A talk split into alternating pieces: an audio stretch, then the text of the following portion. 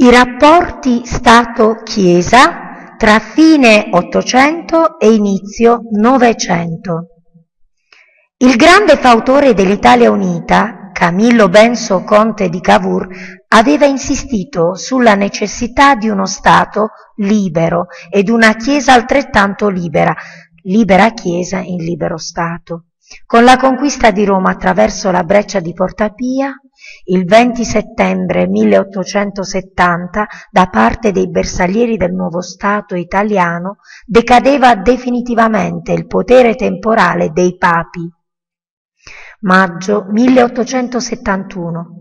Nel tentativo di rassicurare i cattolici di tutto il mondo, il governo Lanza fece votare in Parlamento la legge delle guarentigie, cioè riconosceva al Papa le condizioni indispensabili allo svolgimento della sua missione spirituale universale. Veniva considerato un capo di Stato e poteva risiedere a Roma, in Vaticano e nei palazzi papali. Era garantita l'extraterritorialità. La capitale del regno italiano diveniva Roma, ma questa iniziativa fu duramente condannata da Pio IX, che invitò tutti i cittadini cattolici a non partecipare alla vita politica dello Stato unitario, non expedit 1874. Non expedit, formula di dissuasione o divieto attenuato, non giova, non conviene, usata dalla Chiesa romana, in particolare con essa la Santa Sede, espresse il divieto ai cattolici italiani di partecipare alle elezioni e in generale alla vita politica dello Stato italiano, per protesta contro la perdita del potere temporale. Solo nel 1891 la Chiesa porrà al centro dell'attenzione del Magistero della Chiesa la questione operaia.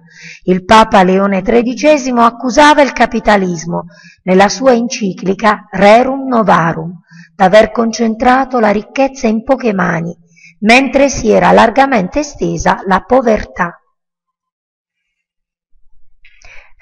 Dalla Rerum Novarum Comunque sia è chiaro, ed in ciò si accordano tutti, come sia di estrema necessità venire in aiuto senza indugio e con opportuni provvedimenti ai proletari che per la maggior parte si trovano in assai misere condizioni, indegne dell'uomo, poiché soppresse nel secolo passato le corporazioni di arti e mestieri, senza nulla sostituire in loro Vece, nel tempo stesso che le istituzioni e le leggi venivano allontanandosi dallo spirito cristiano, avvenne che poco a poco gli operai rimanessero soli e indifesi, in, della, in balia della cupidigia dei padroni e di una sfrenata concorrenza. Accrebbe il male, un'usura divoratrice che, sebbene condannata tante volte dalla Chiesa, continua lo stesso sotto altro colore a causa di ingordi speculatori. Si aggiunge il monopolio della produzione e del commercio, tanto che un piccolissimo numero di straricchi hanno imposto all'infinita moltitudine dei proletari un gioco poco meno che servile.